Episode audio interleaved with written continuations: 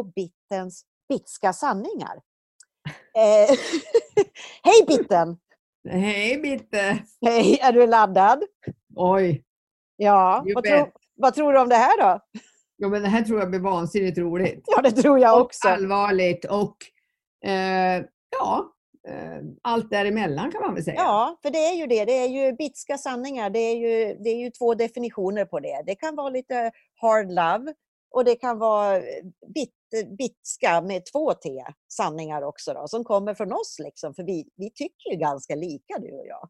ja. Och mycket. Och mycket tycker vi Ja, när mycket. vi pratar. Men, men det kan ju vara så här att alla inte riktigt vet vilka vi är. Men om du presenterar dig själv lite kort först då, Bitten. Ja, jag växte upp på landet och jag är naturälskare. Djur och natur, det är liksom min kyrka kan man säga. Eh, Allt som har med det älskar jag. Och rymdforskning är jag helt galen i. Jag ville bli astronaut, men det fick man inte säga när jag var liten. Det var ju så befängt så det fanns inte. Man skulle liksom inte grubbla på rymden. Men jag har alltid älskat det, läser mycket sånt. Eh, För det är vårt ursprung. Eh, Men jag blev sjuksköterska därför att eh, omhändertagare, det är ju det man ska bli när man är stora syster, vet du. Och jag var äldsta sju. Så jag skulle fixa andra. Eh, och hade jag varit annorlunda, idag hade jag varit annorlunda, men så blev det i alla fall. Så jag var sjuksköterska redan när jag var 21. Jobbade som det. Eh, och med mig i bagaget hade jag då alkoholism. Eh, jag började dricka när jag var, eller jag ska, här ska jag säga. Jag började äta socker, eh, älska socker när jag var 4-5 år. Du vet, jag smög och stal sockerbitar och oh, goodie goodie. Så jag gillade glass och choklad mer än mat. Och jag växte ju upp på hemgjord, hemlagad mat. Så så var det ju hemma liksom. Så de Ja. gånger man fick glass och choklad så var det ju oh, så. Eh, Och sen jobbade jag i kiosk. Kan ni tänka er vad som hände då? Mm, det var glass och choklad istället för mat. Eh, Och när jag gick sjuksköterskeskolan då var vi ett gäng brudar som alla banta. Eh, när jag pratar med dig om bantning så håller jag på att skratta mig fördärvad eller gråta. Om, som vi har alltså, misshandlat våra kroppar och våra hjärnor med piller och pulver och, och läsa din historia är ju starkt alltså. Ja, men i vilket fall, eh, så då kom vi på att vi skulle röka. För att då hade någon lärt sig att om man rökte då var man inte lika sugen på skräpmat eller på glass. Vi, ordet skräpmat fanns ju inte på den tiden. Men på sånt man blev fet av. Då. Mm. Så då började vi röka. Och jag, menar, jag gick och köpte ett paket Marlboro och jag minns att jag var rökare efter första cigaretten. Det var bara kick, klick. Eh, och i samma veva här på sjuksköterskeskolan skulle vi gå ut och festa och jaga pojkar. Såklart. Jag menar, det var ju naturligt att göra ett gäng brudar. Så då minns jag första gången jag drack var våren 72 i Sollefteå på sjuksköterskeskolan. Och jag bara älskade effekten av alkohol. Mm. Så jag började inte dricka för att jag var olycklig eller du vet, dämpa känslor eller något. Det var party party. Eh, Mm. Och jag tålde ju mycket från början. Vad jag inte visste då var ju att socker är liksom the gateway drug som skapar andra beroenden. Så nikotinet kickar ju in i sockerbanan och alkoholen kickar ju in i socker och nikotinbanan. Boom, boom. Så det förstår jag idag.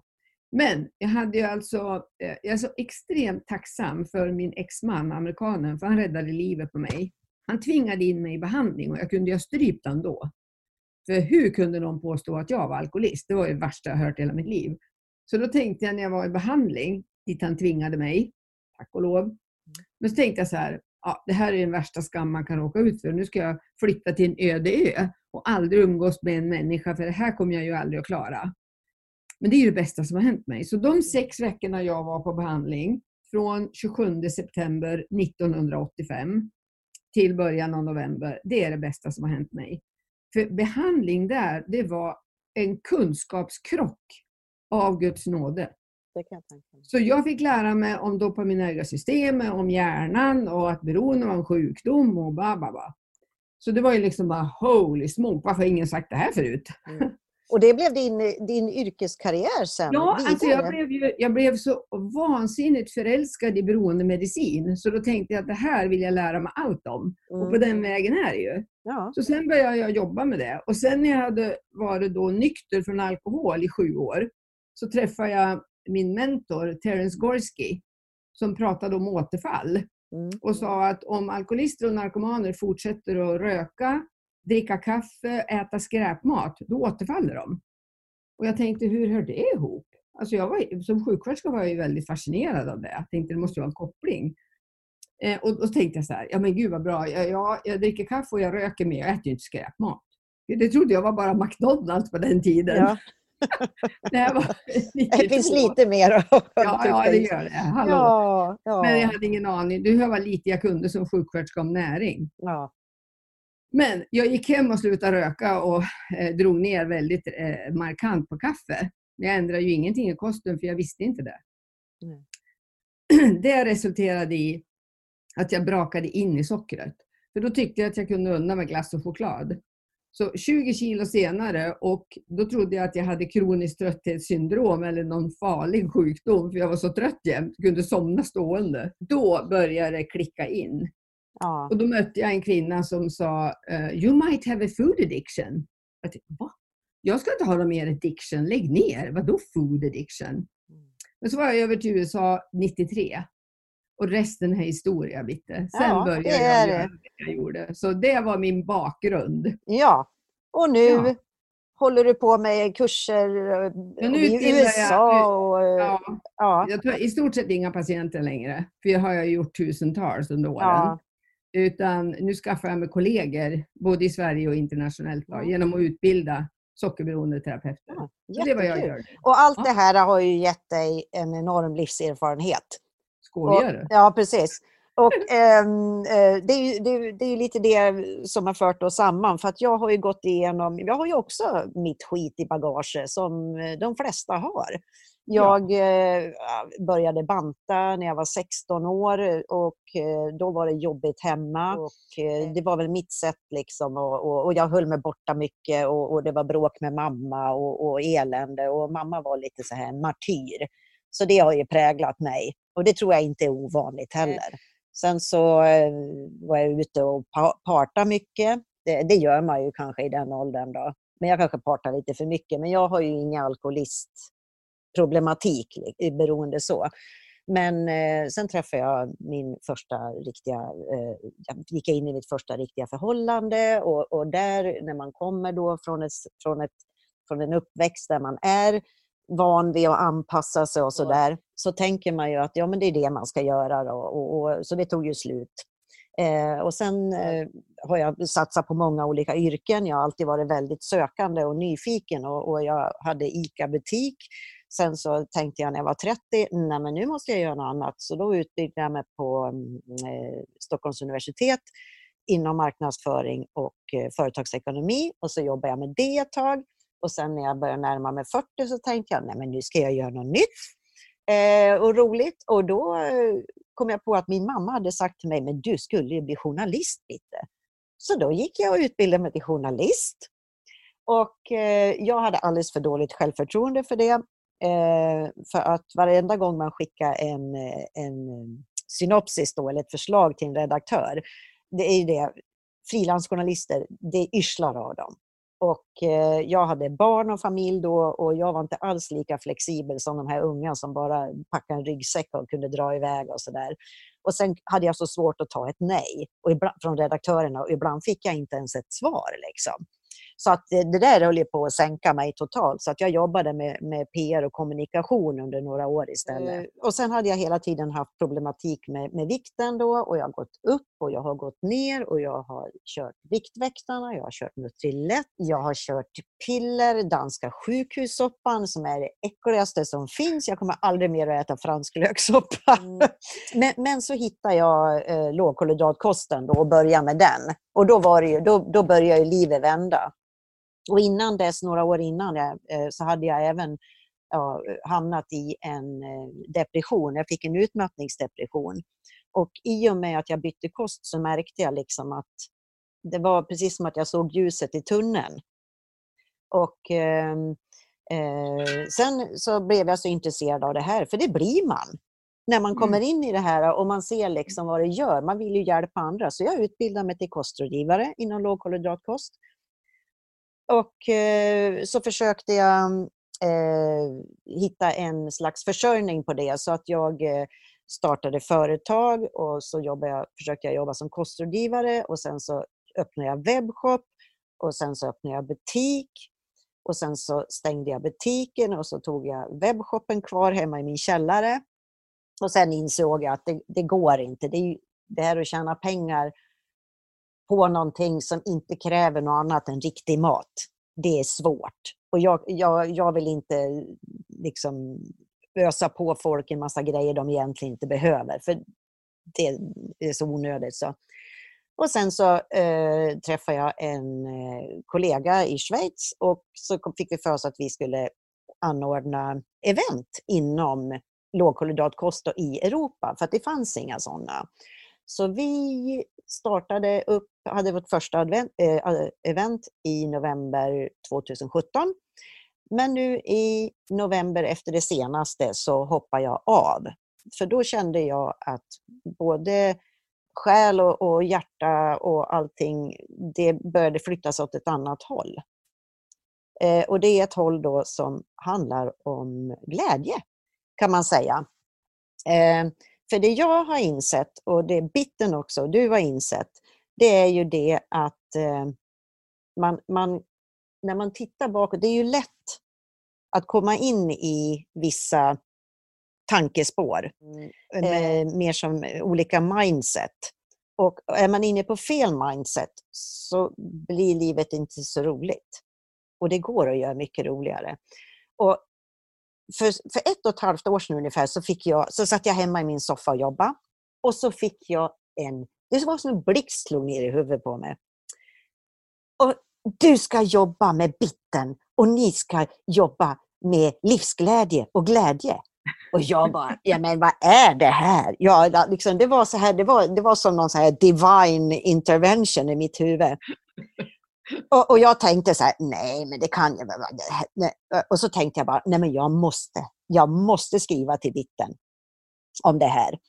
Eh, och då var det ju som tur, för vi hade ju träffats då i mars. Ja. Du var föreläsare på ett av våra event nere på Mallorca. Och ja. eh, Bitten är ju en himla läcker tjej. Eh, hon kom in där. Du kom in där, ja, men du kom in där i, i high heels och rosa kostym och piffad och, och eh, du var så himla läcker och tuff. Så jag bara så här, gud vilken härlig människa tänkte jag. Eh, ja, nu sitter vi här. Ja. Ja, och, så mejlade du mig och så sa jag bara ja. Ja, ja precis. Ja. För, och jag tänkte det, nej men jag kan inte skriva något sånt här till bitten för så väl känner vi inte varandra. Men, jag, men så gjorde jag det. Ja. ja. Och så bara väntade jag och så väntade jag och så väntade jag. Och så, ja det vill jag också! Och jag bara, gud vad häftigt. Och det är lite det det handlar om också.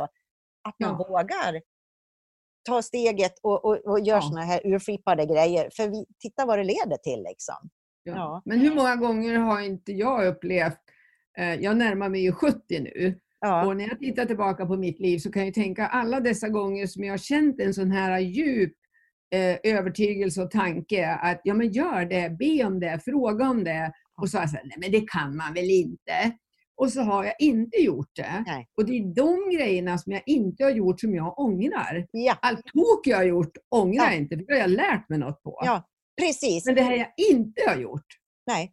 Och det är det vi vill sprida i vår podcast. Ja. Det, det, vi har lärt oss av våra, våra erfarenheter. För att många gånger så har vi problem. Och det är lätt att bara se problemen och, och, och, och känna att man inte kan göra någonting åt det.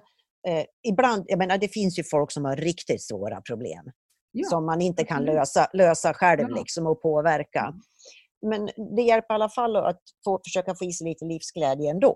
Och det hoppas vi ju att någon kan få. Men det, de vi främst söker oss till med det här, det är ju alla ni där ute som, liksom du och jag, Bitten, ja, äh, sitter där och tänker att Åh, jag, åh, jag kan inte göra någonting åt situationen. Men det är ju det, vi, mycket vi kan göra. Ja. Och alla de som slår sig själva över huvudet med jag borde och jag borde ja. inte. Och då tycker jag det är så underbart uttryckt det där. Är du också medlem i Jag borde-klubben? Ja. Men alltså att tänka så istället för att fundera, ja men vad kan jag göra då? Kan ja. jag göra några små förändringar? Eh, hur kan jag förbättra? Jag älskar ju vad Anders Olsson, andningsinstruktören jag har gått kurs för. Ja. Ju, ju sämre värden man har, då säger han så här, desto högre förbättringspotential. Och jag älskar det uttrycket istället för att tänka, men gud vad dåligt det här var. Ja. Att, och vad dålig jag är och vilka hemska siffror och hemskt och hemskt. Och så tänker man, ja men alltså vad bra, nu har jag ju en förbättringspotential. Precis, men steget ja. innan där, det är ju ja. det, det ja. precis, det här när man inser att eh, ja, men jag hade kanske ett val också. Och att man har, även om man inte är ansvarig för att en viss situation är, har uppstått, men man har ju alltid ett val. Ja. Och det är det vi ska få er att inse. Och så kan man bli så här glad som du och jag är. Ja. Vi är ju väldigt man, glada. Ja, det är vi verkligen. Ja, det är vi. Ja, vi kan vara ledsna också. Det Ja, finns absolut. mycket att gråta över och vara sorgsen över också. Men Ja. vi måste släppa fram glädjen. För det märker jag ju att om jag umgås med människor som får mig att skratta Ja. så mår, ju, mår jag ju mycket bättre. För skratt har ju alltså en enorm läkande effekt på oss människor. Japp. Jag vi satsar skrattar ju, för lite. Ja, och jag tränar ju inte så mycket, jag är periodare, men jag skrattar ju desto mer så att jag ser det som en ersättning. Man får ju såna här äh, glädjefnatt när man tränar också. Sixpack av skratt. Ja, precis. Ja, men det, det, vem vet? Det kanske döljer sig här under någonstans, det där sixpacket. Ja, helt underbart. Nej, men när det är skratt så har jag nog ett 12-pack tror jag. Ja, ja, okej. Ja, för att jag har Ja, så, jag. så jag, väldigt jag kan mycket. verkligen se det dråpliga i många situationer och skratta åt det. Ja, men jag tänkte det, för, för vår, vår ambition är ju här nu att, att eh, liksom ta upp olika områden utav det här eh, i våran poddserie. Men kan du, så här då, ska vi ge ett litet smakprov kanske med min utmattningsdepression kan jag ta som exempel. Jag Ja, blev ju, ja för det var ju, eh, det hände, jag fick ett bryt på min arbetsplats och jag började storgrina i fikarummet och jag skällde ut vdn och jag skällde ut alla som kom i min väg. Eh, ja, precis. Eh, och det slutade med att, som tur var så, så ble, hade jag blivit gravid så jag, fick ju, jag blev sjukskriven då under min graviditet så jag slapp ju gå dit men sen var det dags att komma dit igen. Och eh, då började ju liksom ångesten att pocka på. Då. Men eh, jag var ju tvungen att ha ett jobb och sen visade det sig att mitt jobb hade försvunnit. Det slutade med att jag aldrig gick tillbaks. Men jag, blev ju, jag var ju så förbannad och jag var bitter och jag bara blä. Och sen, det, när, man, när man tänker så, så är det precis som att man kommer, all, även om man kommer ifrån själva situationen så ligger det där i en på något sätt. Mm, Och det mm. påverkar ju hur man, hur man gör allting annat i sitt liv, omedvetet tror jag. Eller jag är ganska övertygad om. Men det var först när jag insåg att, men Bitte, vad, har, vad hade du för ansvar, det jag nämnde tidigare?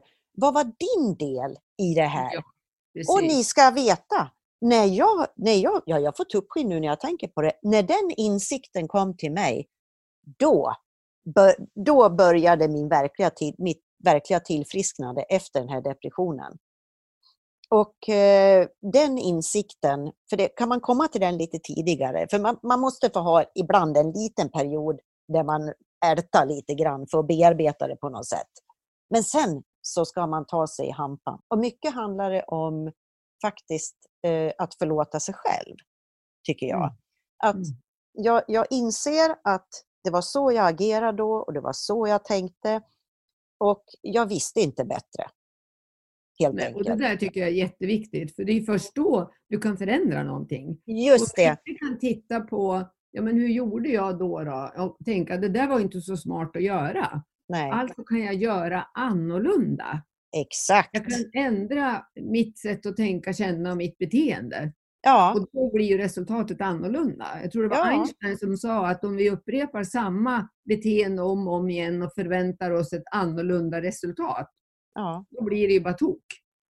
Nej, men det vi blir ju alltså det. ändra, ja, ändra Ja. saker och ting. Och det är ju en enorm styrka att ha kommit till den här insikten. Sen, Absolut. sen gör man fortfarande, man tänker fel och man gör fel och allting. Men man Åh. kan ju, ja, ja, kan du tänka, jag är inte perfekt Bitten. Jag heller. Nej, inte jag heller. Och det är väl för härligt det, för annars Ja. vore vi ju odrägliga. Usch. Eh, Men att det, det, är, det är just det här och den, den känslan eh, när, man, när man stöter på problem nu och allting så att jag kan ta ett steg tillbaks och försöka göra en liten analys och titta på eh, hur ser delarna ut i det här, i den här soppan eller röran. Och sen så börjar jag tänka så här, ah, men hur gör jag? Till exempel eh, att man när man är i en viss mindset som inte är så bra, det är ju lätt liksom att, att dras med i annat, där man liksom kan kanalisera sin egen, sitt eget elände. Ja, men titta på sociala medier. Liksom. Det, det är diskussioner om en det ena och en det andra och folk blir arga och allting. Och jag beslutade mig för, för flera år sedan att jag kommer aldrig att blanda mig i det där. Att, att man kan, och man kan, jag kan känna så här, åh jag skulle vilja skriva det här och det här och det här. Men det är ingenting som gynnar mig. Det, det gör inte det, utan då, då lämnar jag det därhän och så, och så går jag och tittar på gulliga kattungar och någon film istället. Eller ja, någonting som eh, göder den här eh, glada biten i mig istället. Nej, men jag tänker så här. Eh, det som var en enormt stor insikt för mig, det Mm. var ju det här att förstå mer. Alltså, trots att jag är sjuksköterska så hade jag, lärt, men jag hade lärt mig mycket om sjukdomar, men inte om hälsa. Vad jag menar? Skillnaden. Så det som var otroligt viktigt för mig då för länge sedan var när jag började förstå hur kroppen och hjärnan fungerade och känna en vördnad inför en cell, inför hur mina organ funkade, hur hjärnan funkade. Och, och då kom ju den här tanken, vilket bränsle behöver då den här maskinen? Ja, Jag insåg att så länge jag pytsade in fel bränsle så kom det ut fel saker. Ja. Alltså skit in, skit ut. så det enkelt. var den här stora, stora, alltså om jag vill fungera optimalt Mm. så måste jag förse min kropp med rätt bränsle. Det går liksom Ja. inte att stoppa in Nej. skit. Det var Ja. början till min resa där jag kunde se att jag kunde, fick andra tankar, känslor, andra beteenden när jag plötsligt började tanka rätt bränsle i kroppen. Ja, Det var otroligt eh, stort och djupt för mig och jag kunde se många hälsoproblem som blev, alltså förbättrades enormt. Och på ja, den vägen är det ju, och både du och jag delar ju det intresset för att ge våra kroppar och våra hjärnor rätt bränsle. Och att också Ja. det är ju väldigt klimatsmart att ge naturlig mat som vi är gjorda att äta. Kontra fake food då, av alla precis. sorter. Ja. Ja, Så det har ju varit något som jag brinner för. För jag ser så många människor som är så olyckliga som går i terapi och som söker hjälp och så kanske de får piller och några korta terapisektioner. Men ingen lär dem hur, vilken fantastisk kropp och hjärna de har ja, och hur man skulle kunna förbättra bränsletillförseln för att få mer energi och må bättre. Just jag tänker på det du sa också om vara ute på sociala medier. Och, alltså, folk dumpar ju grejer på mig, alltså skickar en det ena än det andra. Och jag har bestämt mig. Jag jobbar med sockerberoende, ingenting annat. Alltså jag tar inte upp trådar om något annat. Jag orkar bara ett krig. Om det Ja. nu ska, inte ett, jag ser det inte som ett krig, jag ser det som min uppgift att sprida kunskap. Men, ja, men förstår du vad jag menar? Att jag Abso- kommer inte att absolut. lägga mig i tusen andra saker som finns där ute som folk vill ha. Eh, vad tycker du om det här och tyck om det där? Och, nej, jag tänker inte göra det. Jag är hellre, jag brukar säga så här, istället för att vara ett fyrverkeri, skjuta på allt som rör sig, Mm. så är jag en laserstråle. ja? Jag, jag koncentrerar min kraft på det här som jag brinner för. Och ja, allt annat får vara. För eh, man orkar inte mer. Jag tror att det är farligt att splittra sig på för många saker också. det tror Man jag måste också. välja sina krig, finns det ju ett uttryck. Eh, och, och då försöker jag göra det. Och vara en laserstråle. Att det här kan jag. Och så säger jag då många andra saker. Jag kan inte, jag är inte intresserad. Jag kan inte, jag är inte intresserad. Jag tänker inte lära mig heller. Nej. Och så det här att säga nej och begränsa sig. Och det tror jag många har svårt att göra. Som du säger, man blir indragen i saker. Ja, Och det är så himla lätt att har man bara andas någon åsikt så puff kommer det 20 andra. ja. ja men precis. Nej tack, jag vill vara laserstråle. Jag vill inte Ja. vara fyrverkeri. Och tillsammans blir vi en laserkanon Ja, för, folk, för folks mindset. För att, eh, även Ja. om vi har kosten i botten eh, Ja. så är ju, det, det här kommer ju handla mer om, om just mindset och, och ta ansvar och ta makten över ditt eget liv och ditt eget mående. Men för oss båda så är ju kosten det som har tagit oss hit. Det är det första det är ju steget. Ja, förutsättningen precis. kraft och ta de andra stegen menar jag. Precis. Ja. Ja. Nej, men Om vi det satt och åt skitmat nu så skulle vi väl prata skit antar jag. ja, men förmodligen. Ja. ja, ja, ja. Men, men jag tror att eh, då kanske folk har fått lite pejl på vad vi kommer att syssla med här, tror jag. Ja, tror jag också. Ja, så att eh, vi, vi tackar så jättemycket för, för att eh, du lyssnat ända hit. Eh, vi vill jättegärna höra dina kommentarer och åsikter om det här. För att vi är precis i början och vi kan tweaka och vi kan spetsa till det och, och ta gärna emot eh, förslag på ämnen som vi ska ta upp. Kanske situationer som du har hamnat i, hur vi tänker kring det. Och, eh, jag har ju, nu, nu Bitten är ju så utbildad inom det här och du har coachkunskapen. Jag är ju bara en helt vanlig dödlig människa. Men jag har ju mycket erfarenhet. Så jag kan i alla fall berätta om hur jag har gjort. Och eh, många gånger så kan det räcka kanske att höra det. Man behöver kanske inte gå till eh, psykvården eller lägga massor med pengar på terapi. Bara ett litet så här, ja just det, en liten tallgång. Ja, och jag tycker det är så intressant att man kan säga till någon, jag har, eh, det här är mitt problem. Om det här var ditt problem, vad skulle du ha gjort? Just. Och så får jag dina synpunkter. Det betyder inte att jag är tvingad att göra som du sa. Jag kan ja. fråga andra också, så kan jag välja. Jaha, nej, det där passar inte mig, men det där lilla verktyget plockar jag upp och testar. Och ja. så det här eh, det, det, är inte liksom regler och svartvitt utan ja, men jag kan öva på att säga så eller öva på att göra det. Ja. Alltså öva på, det är ett mycket snällare sätt att se på sig själv. Jag är inte perfekt, jag är inte färdig, men jag kan öva på det. Jag gillar ja. det uttrycket. Mm. Ja, men den, den, var, den var bra. Den tycker jag vi avslutar med. Plus att eh, vi, vi är ju osponsrade i dagsläget, eh, men vi vill gärna bli sponsrade. Eh, Bitten hon vill gärna ha snygga leopardklänningar. Jag, jag tycker också om menar, snygga skor, blingiga kläder, eh, schysst smink. Så att eh, det är bara att, att hojta till här så, så står vi så tar vi emot. Vi säljer oss för det, eller hur Bitten? ja, ja. Nej, men sådär då. Eh, tack för idag. Eh, mm, så får vi se vad vi pratar om nästa gång. Ja. Ha det gott så länge. Hej då!